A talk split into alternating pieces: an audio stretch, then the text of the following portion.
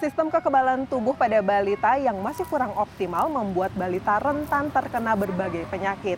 Terlebih saat ini sudah memasuki musim penghujan di mana balita bisa terkena flu. Hal ini pun membuat para orang tua khawatir akan kesehatan anak-anak mereka. Rantika Mayang Suri, warga Ujung Berung, Kota Bandung, merupakan salah satu orang tua yang khawatir akan kesehatan anak-anaknya, terutama di masa pancaroba seperti saat ini. Namun, ibu dari dua anak yang berusia tiga setengah tahun dan enam bulan ini mengaku sudah memiliki jurus tersendiri apabila anak-anaknya terkena flu agar segera sehat. Wanita 29 tahun ini akan memberikan makanan berkuah dengan tambahan jahe serta minuman hangat seperti lemon sereh kesukaan anaknya. Ibu rumah tangga ini pun memiliki kiat tersendiri agar anak-anaknya terhindar dari terkena flu.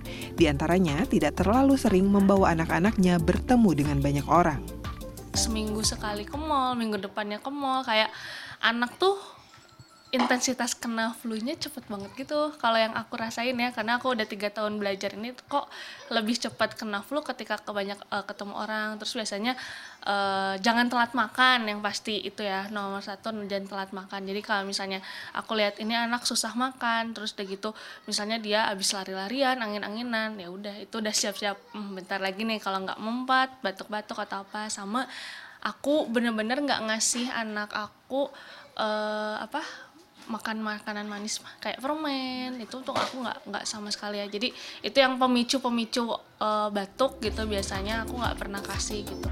Menurut dokter spesialis anak konsultan onkologi Anne Susanti flu yang terjadi pada orang dewasa dan anak-anak sebenarnya sama saja hanya saja, anak-anak terutama balita belum bisa mengeluhkan secara langsung mengenai apa yang mereka rasakan, sehingga flu yang terjadi pada balita nampak lebih parah ketimbang ketika terjadi pada orang dewasa. Ana menekankan apabila balita sudah terkena flu, maka ada beberapa hal yang harus diperhatikan. Di antaranya memastikan anak tidak kesulitan bernafas, memberikan asupan makanan yang berkuah dan hangat, serta memberikan buah-buahan yang banyak mengandung air agar tidak dehidrasi.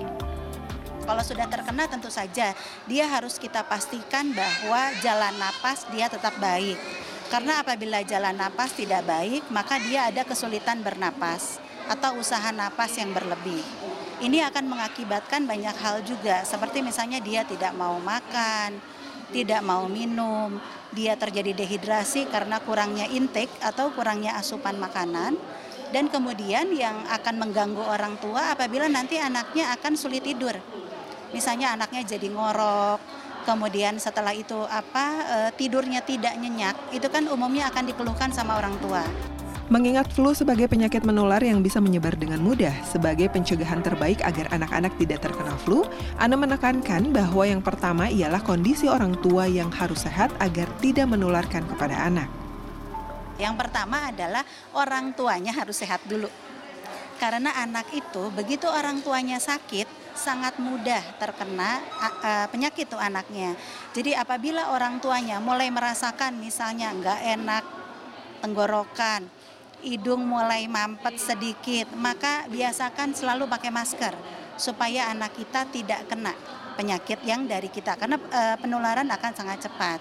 Kemudian untuk anaknya sendiri, pastikan betul bahwa makanan asupannya baik selain dari yang tadi minum banyak buah dan jangan terlalu sering dikasih jajanan anak-anak sekarang tuh jajan semua ya. Jadi jajanan yang paling baik adalah makanan yang dibawa dari rumah. Agar anak tidak mudah terkena flu, anak harus mendapatkan asupan makanan dan minuman yang baik serta istirahat yang cukup. Anak-anak juga diajarkan untuk menerapkan gaya hidup sehat dengan mengajari kebiasaan mencuci tangan serta membatasi benda yang boleh dipakai bersama seperti sedotan, sendok, garpu agar potensi penularan virus dan bakteri dapat diminimalisir. Mita Handayani, Sidki Irfan, Bandung, Jawa Barat.